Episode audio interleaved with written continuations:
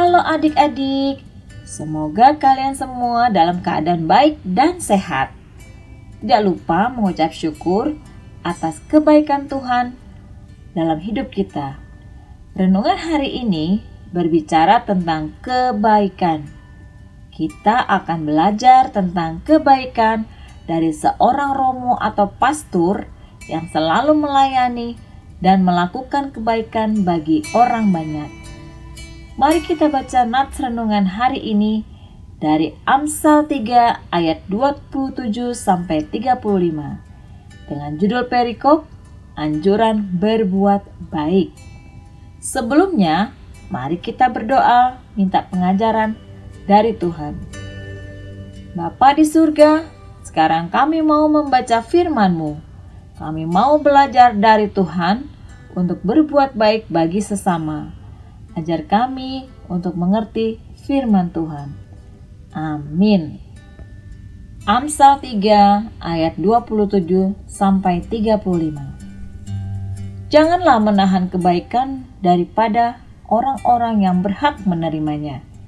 Padahal engkau mampu melakukannya. Janganlah engkau berkata kepada sesamamu, "Pergilah dan kembalilah, besok akan kuberi." Sedangkan yang diminta ada padamu. Janganlah merencanakan kejahatan terhadap sesamamu. Sedangkan tanpa curiga ia tinggal bersama-sama dengan engkau. Janganlah bertengkar tidak semena-mena dengan seseorang, jikalau ia tidak berbuat jahat kepadamu. Janganlah iri hati kepada orang yang melakukan kelaliman, dan janganlah memilih satu pun dari jalannya karena orang yang sesat adalah kekejian bagi Tuhan. Tetapi dengan orang jujur ia bergaul erat. Kutuk Tuhan ada di dalam rumah orang fasik, tetapi tempat kediaman orang benar diberkatinya. Apabila ia menghadapi pencemooh, maka ia pun mencemooh. Tetapi orang yang rendah hati dikasihaninya. Orang yang bijak akan mewarisi kehormatan, tetapi orang yang bebal akan menerima cemooh. Demikianlah firman Tuhan. Adik-adik, dalam hidup ini kita tidak hanya menerima, kita juga mesti belajar untuk memberi.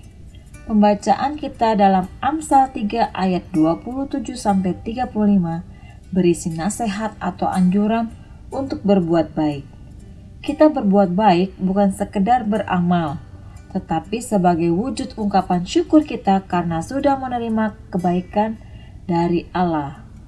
Kita berbuat baik bagi sesama kita, yaitu teman, tetangga, juga orang-orang yang berbeda suku dan agama dengan kita. Karena kasih Kristus dinyatakan bagi semua orang tanpa terkecuali, oleh sebab itu perbuatan baik kita juga dinyatakan bagi semua orang tanpa terkecuali. Kita mau belajar tentang pengabdian Romo Carolus. Romo Carolus berasal dari Irlandia. Beliau lahir tahun 1943 dengan nama Charles Edward Burroughs. Pada tahun 1973 ditugaskan untuk melayani di Indonesia di kota Cilacap di salah satu daerah bernama Kampung Laut.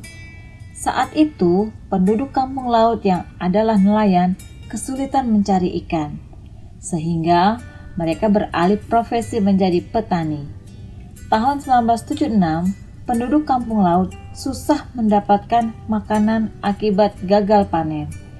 Romo Carolus mencari bantuan untuk penduduk yang kekurangan. Romo Carolus membentuk Yayasan Bina Sejahtera untuk membangun desa kampung laut. Beliau membantu warga membangun jalan-jalan di desa, membangun 25 sekolah, mulai dari TK, SMA, dan sekolah luar biasa, juga memberi pelatihan keterampilan untuk masyarakat Cilacap.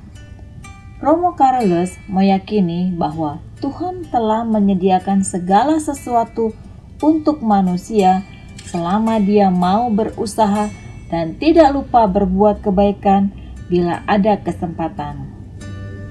Pada tahun 2012, Romo Carlos mendapatkan penghargaan Ma'arif Award atas pengabdian yang dilakukannya. Ma'arif Award adalah penghargaan untuk pribadi-pribadi penggerak dan tangguh yang berjuang untuk kemanusiaan. Dari kisah Romo Carlos ini, kita belajar bahwa diberkati saja tidak cukup, tapi kita harus menjadi berkat untuk orang lain. Ketika kita mendapatkan anugerah dari Tuhan, sebenarnya Tuhan memberi kita kesempatan untuk menjadi saluran berkat. Mulai dari kecil, adik-adik belajar menjadi saluran berkat Tuhan untuk orang-orang yang membutuhkan. Mari kita ikrarkan dalam diri kita, aku mau menjadi saluran berkat Tuhan. Mari kita berdoa. Bapa di surga, mampukan kami untuk menjadi saluran berkat-Mu melalui hal-hal sederhana yang kami lakukan.